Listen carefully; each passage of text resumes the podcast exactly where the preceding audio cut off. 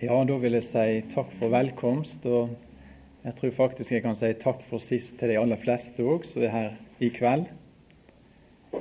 Det er en del år siden jeg var her på denne plassen sist.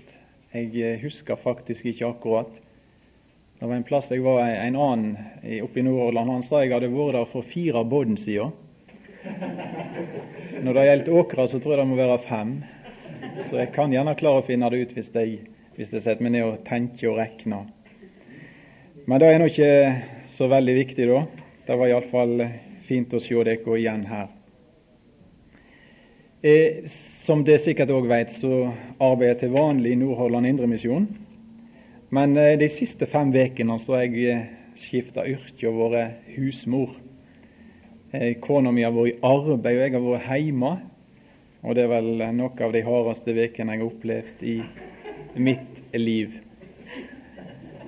Så jeg får bare begynne med den bekjennelsen at eh, derfor så kommer jeg nå til å ta noe og prøve å trekke fram noe fra Bibelen som jeg har vært opptatt med tidligere i vinter og i vår. Eh, jeg vet ikke om det er noen god unnskyldning at jeg er husmor, men jeg har ikke hatt kapasitet akkurat nå til å arbeide ut noe nytt. Derfor så tar jeg noe som eh, lever litt i meg, og som jeg vet er aktuelt. Og Det som jeg har vært opptatt med i vinter og i vår, det er Josva og dommerne, disse to bøkene i Det gamle testamentet. Men før vi sier mer om det, så tror jeg vi skal vende oss til Gud enda en gang i bønn. Gode himmelske Far, vi vender oss til deg enda en gang i, i Jesu navn. Og så ber vi om at du med ditt veldige, kraftige ord og din veldige ande vil påvirke våre hjerter, våre sinn og våre tanker, slik at vi kunne merke at du var her. Jeg ber om at det skal bli mer enn mine ord. Jeg ber om at de himmelske krefter skal øve sin innflytelse på oss. Og vi opplever det veldig vanskelig ofte i dag, og vi opplever så mange andre krefter. Og derfor så ber vi om at du påvirker oss slik som bare du kan. Gi oss den nåde som vi trenger, både til å høre ordet ditt, til å leve ut ordet ditt. Amen.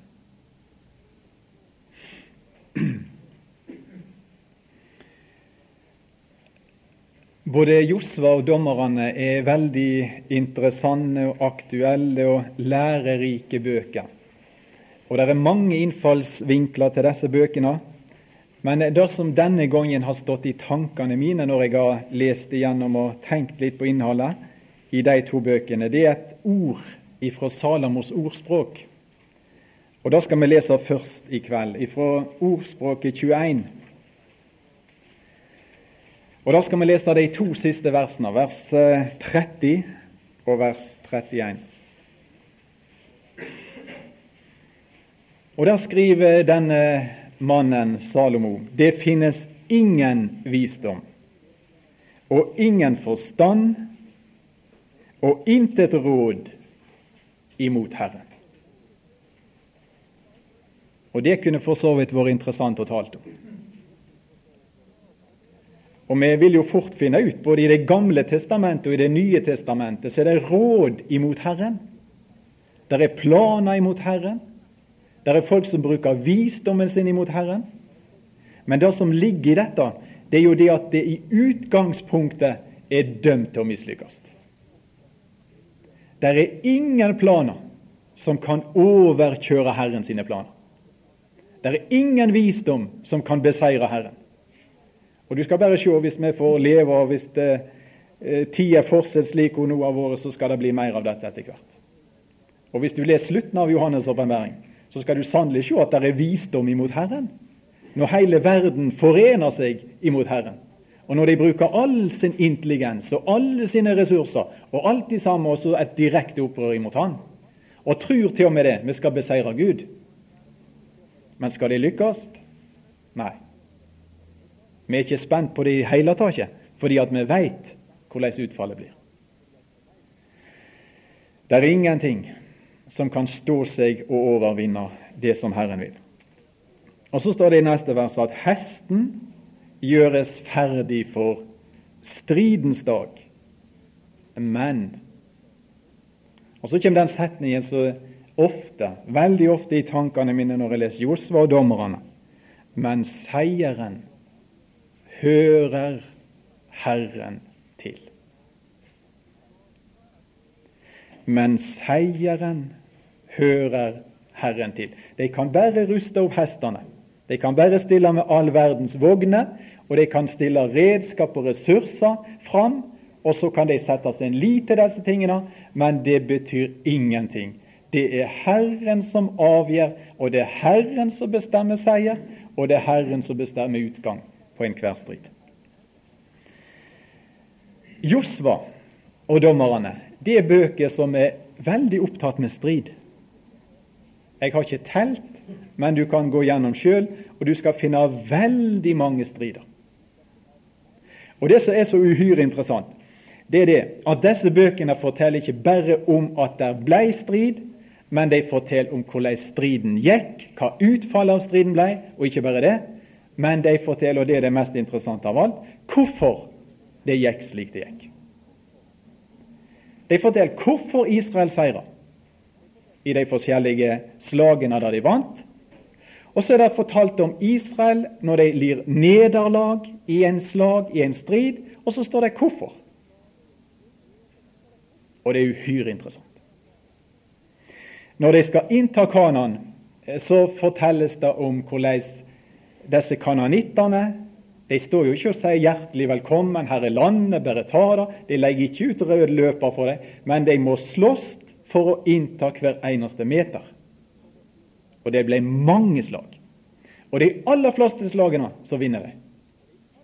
Men det er en gang de blir lurt, og så er det en gang de blir slått. Og så er det veldig, veldig viktig å finne hvorfor gikk det slik det gikk. Og denne gamle boka forteller oss det.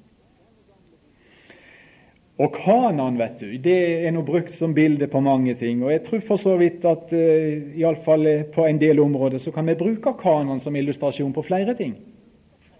Men denne gangen når jeg har lest om Kanan, så har jeg faktisk mest tenkt misjon. Altså mest tenkt kananittene som en illustrasjon på de som er underlagt høvdinger og konger som ikke kjenner Gud og som er underlagt makter og krefter som er imot Gud. Altså, jeg tenker på Kanan som et område som Israel skal innta, like som vi kan godt snakke om de ufrelste, som vi har fått et kall og et oppdrag fra Herren om å vinne for Jesus og få det inn i Guds rike. Kanan er også for meg et bilde på Kristus i enkelte sammenhenger. Det å innta alle de velsignelsene og alle de løfter alt dette som er i Han og tilegner seg det. Og kan han ofte, og iallfall i enkelte sammenhenger, brukt som et bilde på himmelen. Og det er vel jeg på å si mer begrensa, da. Men hvis du tenker på løftesland og liksom innsnevrer det til det, så tror jeg vi kan ha dekning for å si at også det kan være en illustrasjon, iallfall, som vi kan benytte oss av. Men det som jeg først og fremst kommer til å bruke Kanan som i disse timene, det er altså et bilde på den verden som ligger under krefter som er imot Gud. Og eh, Når vi da leser Josva og dommerne, når de skal innta det landet, så skal vi se at disse bøkene er veldig forskjellige. Og Det første vi kan jo si, det er jo at Josva-boka kommer først når det gjelder tid. Altså Josva forteller om starten på inntaginga av Kanan. Og eh, jeg kan ikke fri meg ifra den tanken når jeg leser denne boka, at israelsfolket i denne tida opplever ei glanstid. Jeg er ikke kompetent til å sammenligne, men iallfall står det sånn for meg og min tankegang at her tror jeg israelsfolket både åndelig og moralsk og politisk er på topp. Du finner ikke en eneste gang på, i, i, den sammenhengen der at du, du, du møter knurring slik som du hører så ofte når de vandrer i ørken. Det er ikke protester,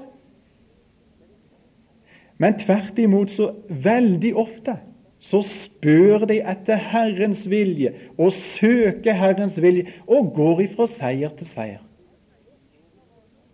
Bortsett fra et par unntak, så er det slik hele veien.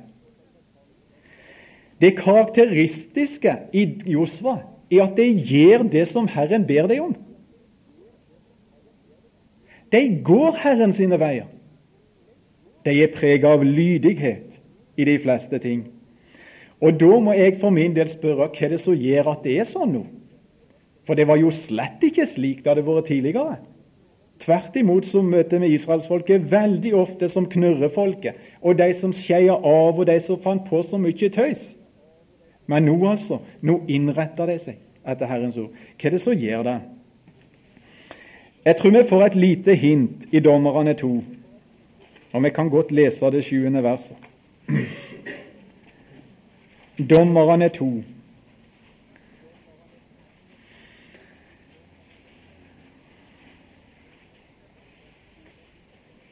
Vi tar med vers 6. Da Josva hadde latt folket fare, og Israels barn hadde draget hver til sin arv for å ta land i eie, tjente folket Herren så lenge Josva levde, og så lenge alle de eldste levde, som overlevde Josva.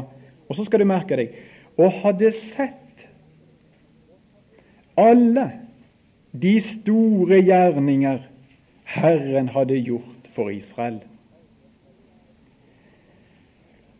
Jeg tror iallfall at dette er én av faktorene i bildet når vi møter israelittene i Josva bok i starten.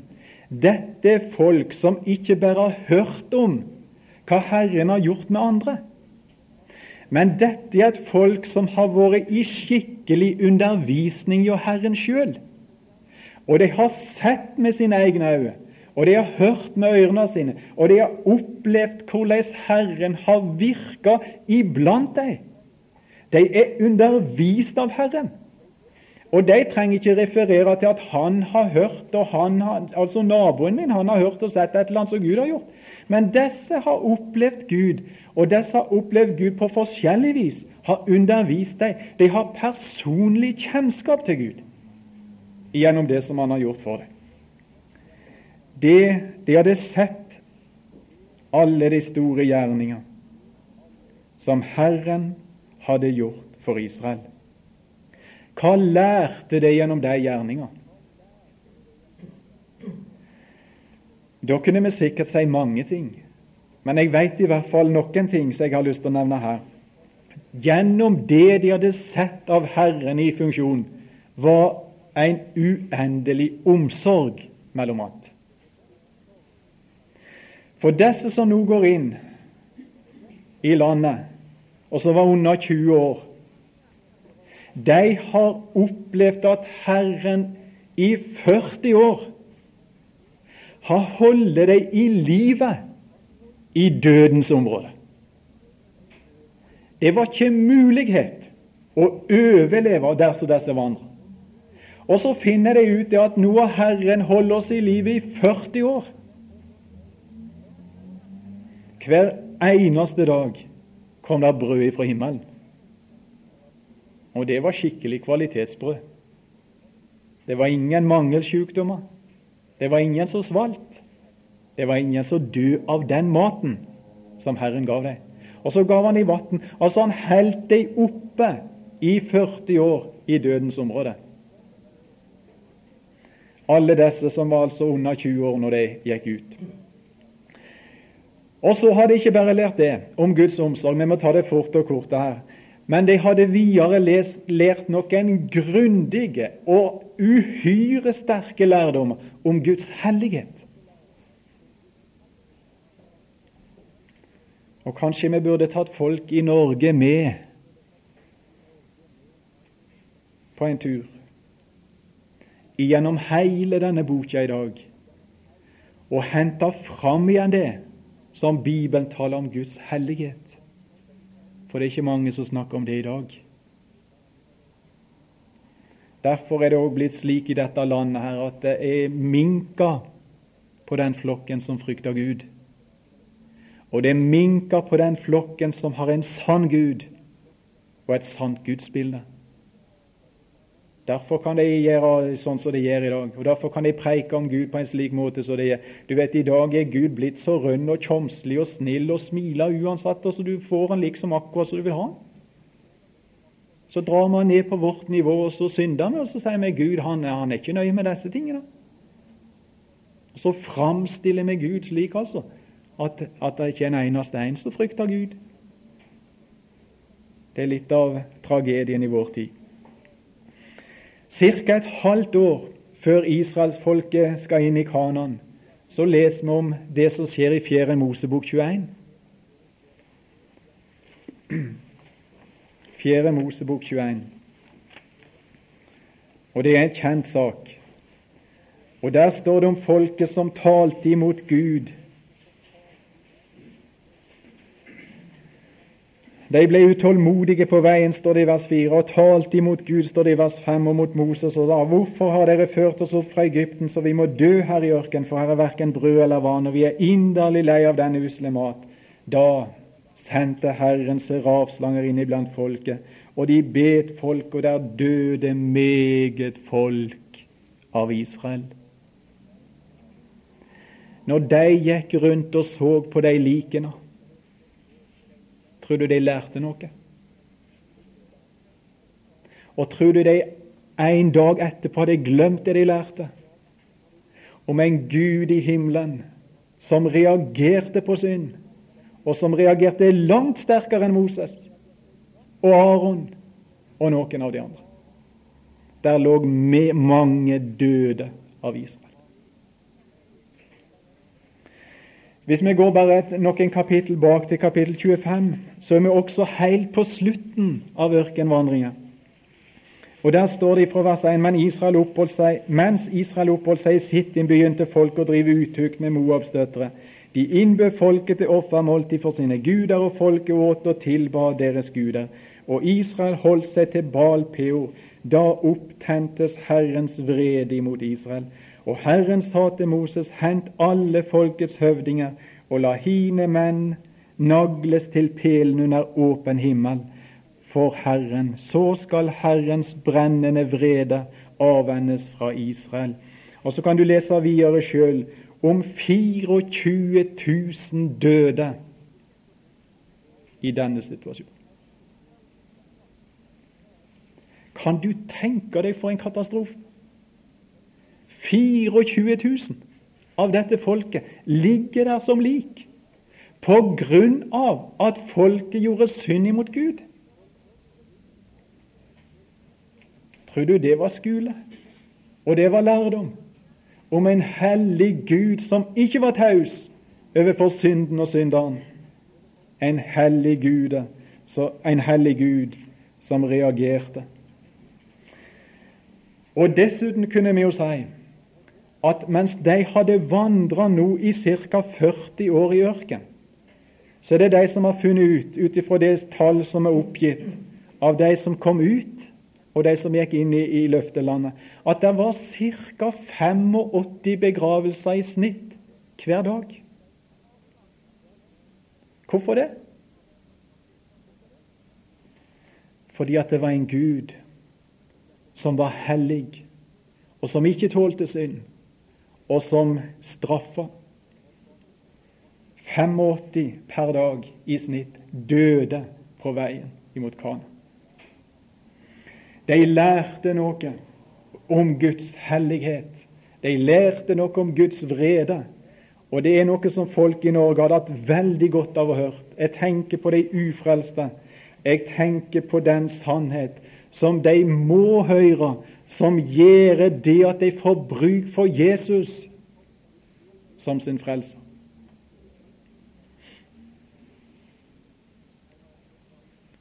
Det blir aldri spøk for en synder å møte Gud. Og det er en tragedie om ikke vi får advart dem før de står for den hellige Gud i sin synd uten Jesus. Men de lærte mer, og de lærte mye mer. Men også i slutten av ørkenvandringa nå så lærer de noe om dette som jeg leser fra ordtøket til å begynne med i kveld, om Gud som gir seier. Og Det er også uhyre interessant. Like før de kommer til Jordan, så begynner striden. Fordi at det var nok en folkeslag som de møtte før de gikk over Jordan og inn i Kanan. Og Vi kan lese litt i 5. Mosebok, kapittel 2.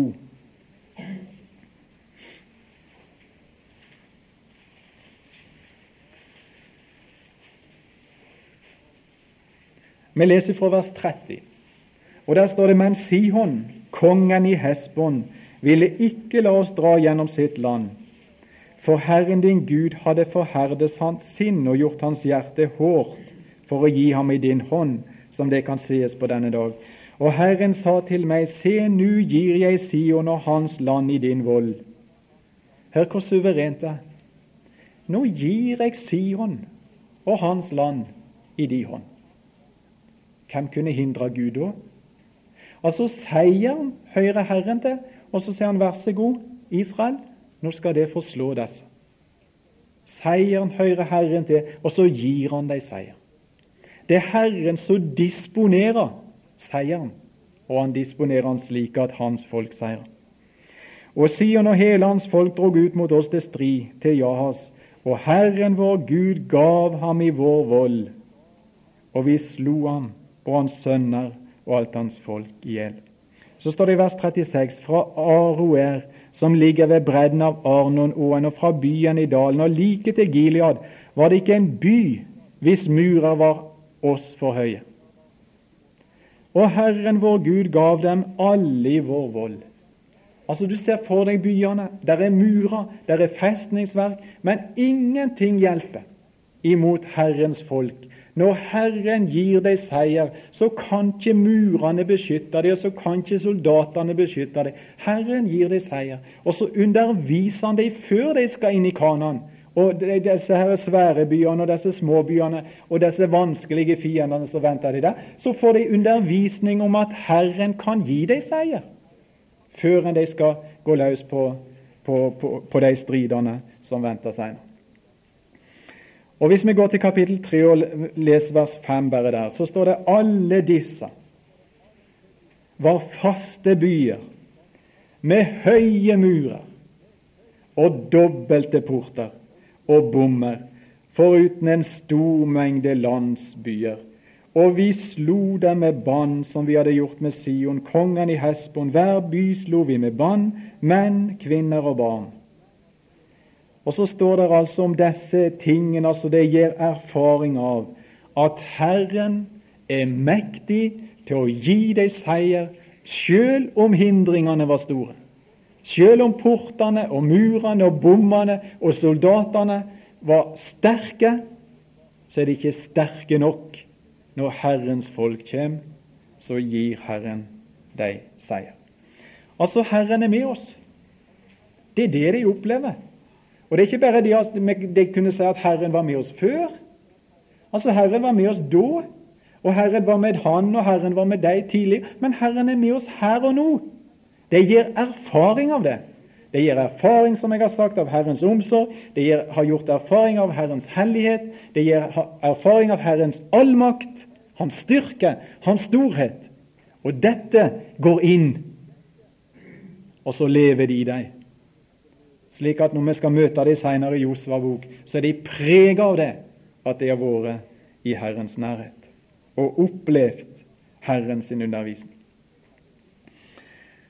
Slik eh, eh, forteller eh, Josva oss at folket den tid, det er et folk som jeg sier igjen, for meg i hvert fall, virker på toppen åndelig og moralsk. Så kommer vi til dommerne. Hvordan møter vi dette folket da? Det begynner veldig bra. Hvis vi ser helt i starten på dommerne, kapittel 1 og vers 1, så står det at etter Josfas død spurte Israels barn Herren. Det er uhyre positivt. Altså nå er leder, nå er Herrens tjener borte. Men disse folkene har lært såpass, og i en slik situasjon, at de kan veien til Herren. Og etter Josva sin død så spurte folket Herren. Altså, de bruker den veien fremdeles. Men du skal ikke lese langt før enn du skal finne en kurve som er uendelig trist. Fordi at det har forundra meg kolossalt hvor fort det gikk ned med dette folket nå. Og der står det, men heller ikke imot sine dommere var de lydige. De holdt seg med andre guder og tilba dem. Og så står det de vek av fra den vei deres fedre hadde vandret i lydighet imot Herrens bud, og gjorde ikke som de. Nå leste jeg litt feil. Jeg hoppet over et lite ord. Og det skal du merke deg. Der står 'de vek snart'. De vek snart av fra den vei deres fedre hadde vandret i lydighet imot Herrens bud, og gjorde ikke som de. Det var ikke lang tid ifra den glansperioden da de spør etter Herren, og de liksom søker Hans vilje og går på Hans vei, så er det ikke lang tid før enn de ligger på kne for avguder. Det ser ut for at det tok bare én generasjon. Og Da dukka det i grunnen opp et spørsmål med en gang for meg igjen. Hvordan var det mulig? At dette folket som du møter i Josva-boka som et sånn glimrende flott folk altså, Nå er de altså så avspora som det går an. Og Hvis du leser videre ut i dommerboka, og hvis du tar med deg slutten av dommerboka, så må du bare klø deg i hodet og spørre at det var mulig. For da finner du deg omtrent på nivå med de i Sodoma og Gomorra. Og det er alt skakt. Omtrent alt er avspora av Guds styrking og umoral og homofili og greie, vet du, iblant Guds folk. Og det ender jo i en fryktelig tragedie der omtrent en hel stamme blir utrydda. Noen få hundre igjen ifra Benjamins stamme. At det gikk an at dette folket altså kunne komme dit hen. Og Folket i en viss plass som vi leser om der, altså, det var ikke til å tro hva de fant på. Men altså, de andre i Benjamin-stammen, de han så, så gjennom fingrene med de greiene som de hadde drevet på med der, og de dømte det ikke. De forsvarte jo gjerningen. Og så kommer en forferdelig tragedie i slutten på dommeren. Hvordan kunne det skje? At dette folk altså som jeg møter i Josva, det, det faller så forferdelig djupt. Jeg veit ikke, men jeg stiller noen spørsmål. Jeg lurer på om barneoppdragelsen svikta.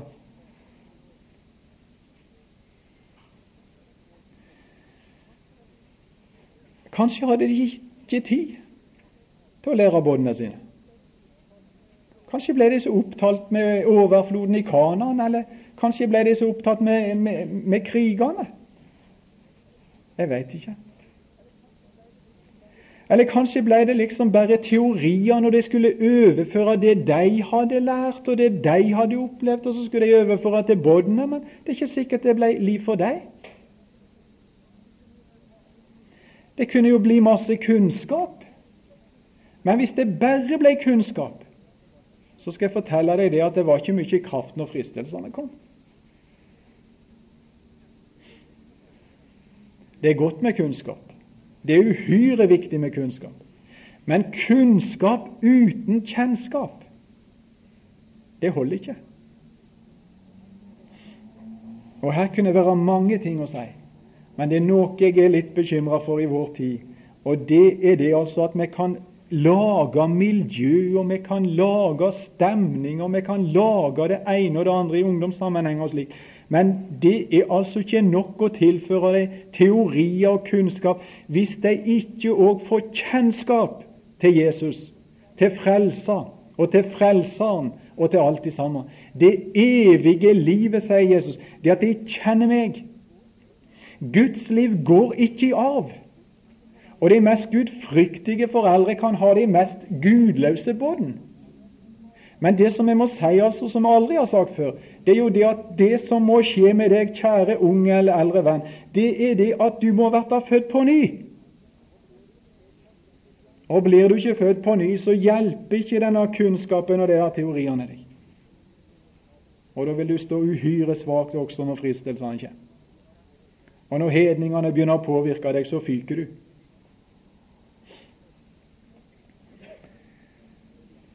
Det er vel ingen som syns det er lett med barneoppdragelse, og det er ingen som syns det er lett med barnearbeid og slike ting. Jeg tror ikke det. Men jeg tror det er viktig å si allikevel at her gjelder det svære ting. Og det er uhyre viktig at vi kan være med og forkynne Kristus og livet i Kristus på en slik måte at det blir født åndelige barn. Det kunne jo òg være det at når de kom i Kanan, så ble det gode tider for en del. Veldig gode tider. Og det kunne, som før, det er eksempel på i Bibelen, være med å dra dem ned. Vekkelsestider og det at folket søker inn i Herrens nærhet, det har ofte med motgang å gjøre. Du kan merke deg det. Én ting veit vi var en sterk faktor når det gjaldt å dra dette folket ned ifra der Gud ville ha dem, og det var hedningene. Du vet, Gud hadde bedt dem å utrydde det. høres jo fælt ut. Og Du kan jo lese Josva dommeren og, nærmest bli mørkredd.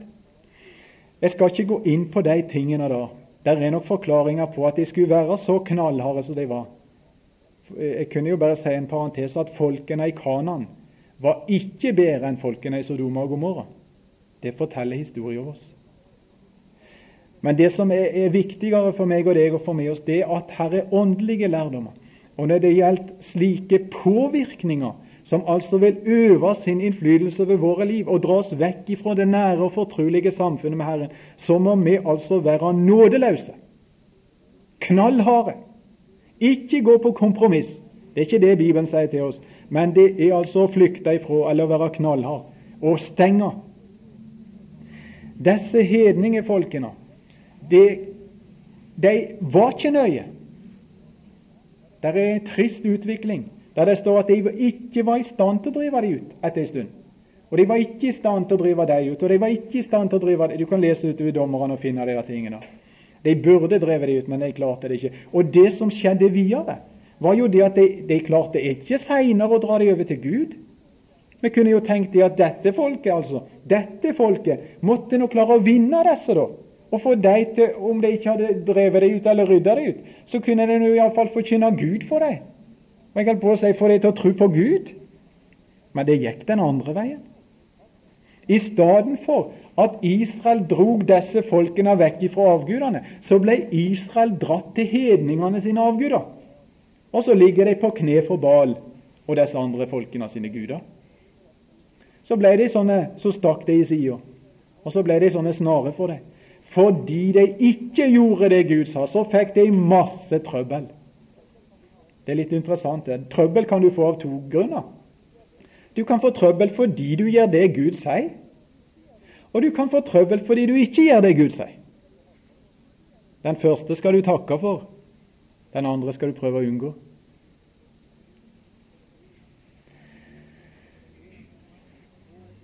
Hedningene påvirkte de uhyre sterkt og drog de inn så de tenkte hedningene sine tanker. Og så begynte de å lære hedningene sine lærdommer, og så begynte de å leve hedningene sine liv. Og så var det ikke lenger forskjell på Guds folk og hedningene. Det er vekker. Det er altså vekkerlekse å lese fra dommeren. Og la meg si med en gang disse tingene som er skrevet oss til lærdom, har ingen datostempling. Det er viktig å si. Du vet det er Enkelte ganger i butikken og så står det 'best før'. Og Hvis du nærmer deg den datoen, så er det halv pris. Og Hvis du ikke metter datoen, så kan du risikere å bli syk i magen og litt av hvert. Det er veldig fint å vite at disse gamle lærdommene fra den gamle boka har ingen best før. Men det prinsipp og det er lærdommer som er gitt oss, oss, oss, og de skal vare hele veien. Vi får bare si i en mediatid og der er flyk, Det er fyk som masse søppel, altså. Og det kommer smygende inn alle veier. Og Jeg lurer av og til på hvordan det går med båtene våre, som skal altså vokse opp i denne søppeltida. Ja, Gud kan bevare, takk og lov. Og det er godt òg om vi er våkne og vi er klar over påvirkningskraften, og vi kan stille opp med en annen kraft som kan påvirke meg en annen vei. Det er god medisin. Det kunne jo òg være nevnt at eh, i dommerne det, ser det ut for, iallfall i starten, å være lederkrise. Moses var borte, Josva var borte. Og så er det liksom ingen åndelig dimensjon over lederen. Det er godt om det er åndelige ledere som altså kan si i de forskjellige situasjoner hva Herrens ord sier. De vil vi høre på. De andre vil vi ikke høre på. Og det folket som altså ikke har røster som taler som Guds ord taler, det er et fattig folk. Og jeg sier igjen det er godt om det er også i denne tid mennesker som kjenner Guds ord i de forskjellige ting og sammenhenger, og kan si det, og som ikke bryr seg om hva folk vil ha, om de skal bli populære eller upopulære, om de får godt rykte eller dårlig rykte, det betyr ikke noe. Men at de uansett kan stille seg fram og si 'Så sier Herren'. Dette er altså Herrens ord om denne sak. Vi spør ikke hvordan det fortolker disse tingene. Og vi spør altså ikke hva biskop N og biskop A sier om disse tingene. Men vi sier Herren sier, og Herren har sagt. Og det bøyer vi oss for. Herren taler sant. Det står at hvert menneske er en løgner. Det er en fin attest å få. Hvert menneske er en løgner. Gud er sannordig og hvert menneske er en løgner. Det betyr at hvert eneste, hver eneste gang det er et menneske som sier noe annet enn Gud sier, så veit jeg hvem som taler sant, og jeg veit hvem som er løgner. Gud er sannordig. Hvert menneske er en løgner. Så kunne vi gjerne også ta med den faktoren i dette bildet når det gjaldt dommerne og folket i denne tida her, at det var jo ikke mye Guds ord de hadde heller. Og det kunne vært interessant å, å streke litt mer under for et privilegium det er å leve i ei tid og i et land der du har ei slik bok. Jeg tror ikke det er mange av oss som har forstått verdien av denne boka. Og vi har vel ikke hatt henne i mer enn 100 år i dette landet. Og tenk på alle de menneskene opp gjennom årene som altså hadde gitt livet sitt for å få lest igjennom den boka. Vi er så benåda, så privilegert, at vi aner det ikke. Og det er mange ting som vi kan bli spart for, ganske enkelt fordi vi har adgang til kunnskap, til lærdommer, ifra Herrens ord ifra Herrens bok. I dommerne sin tid så var det lite av Herrens ord og forkynnelse av det. Og det er jo veldig ofte en sammenheng mellom det folket, eller den tilstand som Guds folk er i, og det forhold de har til Herrens ord. Du finner det også her. Ja, Videre kunne vi gjerne bare påpeke én ting til i kveld. At når det, det gjelder dommerboka sånn videre, så skal vi merke oss at det kommer noen sånne historiesykluser som gjentar seg veldig ofte i denne boka. Og det er fem punkt i disse syklusene. Altså fem ting i en sånn runde, da. Og så går det en periode, og så kommer denne fempunktsyklusen igjen. Og så går det en tid, og så kommer denne fempunktsyklusen igjen. Jeg tror det er seks eller sju ganger du har en sånn fempunktsyklus. Og det begynner med det at folket vender seg vekk ifra Herren. Guds folk vender seg vekk ifra Herren. Det er punkt én. Så kommer punkt to, og det at Herren overgir deg til fienden.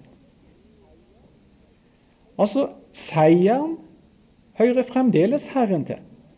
Men nå gir han den ikke til sitt folk, men nå gir han den til Israels sine fiender. Og så lar han fiendene seire over Israel og herske over dem. Da ble det vondt. Og det resulterer i punkt tre, og det er trengsel. Det er nød, det er elendighet, og det er bønn. Så kommer punkt fire. Herren griper inn. Og Det er et par plasser i dommerne. Der står Jeg, jeg så på det senest i dag. Jeg tror jeg må lese det. Kapittel 2 og vers 18. Bare for å illustrere det. Og når Herren oppreiste den dommere, så var Herren med dommerne og frelste dem av deres fienders hånd så lenge dommeren levde. For nå skal du høre For Herren ynkedes over dem når de sukket for deres skyld som plaget og undertrykte dem. Jeg tror det står i en annen bibel at han hadde medynk med det. Altså Nå har de opplevd trengsel, nå opplever de nød, nå stiger det et rop opp til Gud, og så rører det ved Guds hjerte. Han ynkast over dem. Og så griper han inn, og så oppreiser han frelser eller dommere for deg. Og så gir han Israel seier igjen. Så kommer punkt fem, og det er en tid med fred og frihet og velstand og gode dager. Men det tålte de dårlig, og så begynner det på igjen. Så vender de seg vekk ifra Herren. Så overgir han dem, så kommer det i nød, så oppreiser han dommer eller frelsere, og så blir det seier igjen. Og disse syklusene har du altså seks-sju ganger i dommerboka. La oss bare ta kapittel tre for å få en illustrasjon på akkurat det der. Jeg har reist så langt i dag, så jeg får preike litt lenger.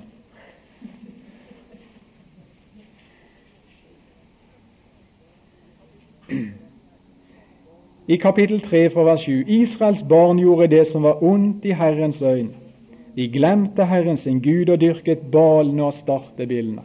Da opptentes Herrens vrede mot Israel, og han solgte dem eller gav dem. Nå er ikke det det at han gir altså fiendene Israel sånn, men nå gir han Israel i fiendenes hånd. Det er han som disponerer seieren, også her. Han gav dem i Kusan Risataims hånd, som var konge i Mesopotamia, og Israels barn tjente Kusan Risataim i åtte år. Tenk det. Åtte år. Og det var ikke den lengste perioden. Det ble verre neste gang. Og det var faktisk perioder de var oppe i 40 år under disse andre folks sitt herredømme. Fordi de spora av ifra Herrens veier, så ble de trella for andre folk. Og merk det nå igjen det er ikke tilfeldige ting som skjer. Det var ikke altså loddtrekning, og så skjedde det slik at nå altså ble det underlagt det folk, og nå ble det underlagt det folk, og nå vant de seier. Det var ikke på slump. Men hele deres historie har sammenheng med deres forhold til Herren. Og her i dommerne og Josva er det noen uhyre viktige nøkler. Og Nå skal jeg bare slutte med én i kveld. Og Da skal vi ta en nøkkel som Gud holder opp helt i starten på Josva-boka for deg, der han viser deg hvordan det kan vinne seier. Josva 1.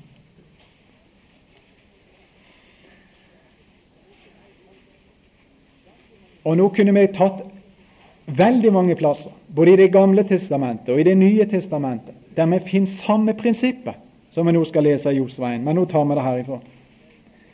Og Der sier Herren til Josva i kapittel 1 og vers 7.: Vær du bare riktig fremodig og sterk, så du akter vel på å gjøre etter hele den lov som Moses min tjener lærte deg. Vik ikke av fra den verken til høyre eller til venstre, så du kan gå viselig frem i alt det du tar deg for. Denne lovens bok skal ikke vike fra din munn, men du skal grunne på den dag og natt, så du akter vel på å gjøre etter alt det som står skrevet i den. Da skal du ha lykke på dine veier, og da skal du gå viselig frem. Så ser jeg Josva for meg, ved bredden av Jordan kanskje, og enorme problem. På andre sida venter Jeriko. Der venter festninger, der venter soldater, der venter trøbbel overalt. Så kunne det sånn menneskelig talt være grunn for å spørre kan vi lykkes. Han kunne se på sitt folk og sine ressurser. Han kunne se hvor lite våpen de hadde, han kunne se hvor lite krigserfaring de hadde. Han kunne begynne å skjelve. Så kommer Herren og sier til ham, gir han en nøkkel. Her er altså nøkkelen til at det skal lykkes for deg. Hva er altså veien? Hva sier Gud? Nå må dere skaffe dere mer våpen. Nå må dere få tak i flere sverd. Nå må du altså mønstre soldatene. Nå må dere legge en kjempestrategi. Nå må dere skaffe dere hester. Ingen av de tingene. Nå må dere legge dere i hardtrening. Nå må dere ha armhevinger her. Situps og alt det samme, for nå blir det behov for kraft og styrke og muskler. Ingenting av det. da. Vet du hva Herren sier til ham?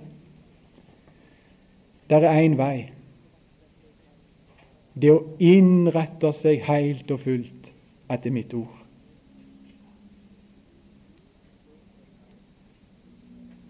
Da skal du lykkes. Da skal jeg sørge for at du seirer. Det er ikke et ord om soldater. Det er ikke et ord om ressursene til Josef. Men det er et spørsmål om du vil bøye deg. Det er et spørsmål om du vil følge instruksjonene ifra meg. Da skal det lykkes, sier Herren til ham. Så du akter vel på å gjøre etter alt det som står skrevet i den, altså i boka. Da, da skal du ha lykke på dine veier, og da skal du gå viselig frem.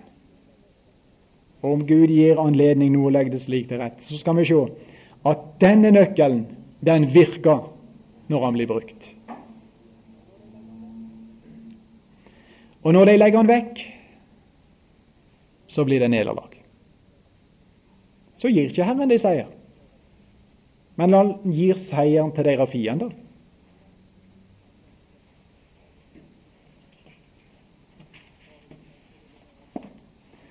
Far i himmelen, la oss få lov å være et folk som hører de røst, og som reagerer. At vi virkelig kunne være et folk som gikk på dine veier. Og at vi var et folk som kjente deg bøyde oss for ditt ord og levde ut ditt ord. La oss få være et folk som er merka av det at du har møtt oss, du har lært oss, og du er med oss. Amen.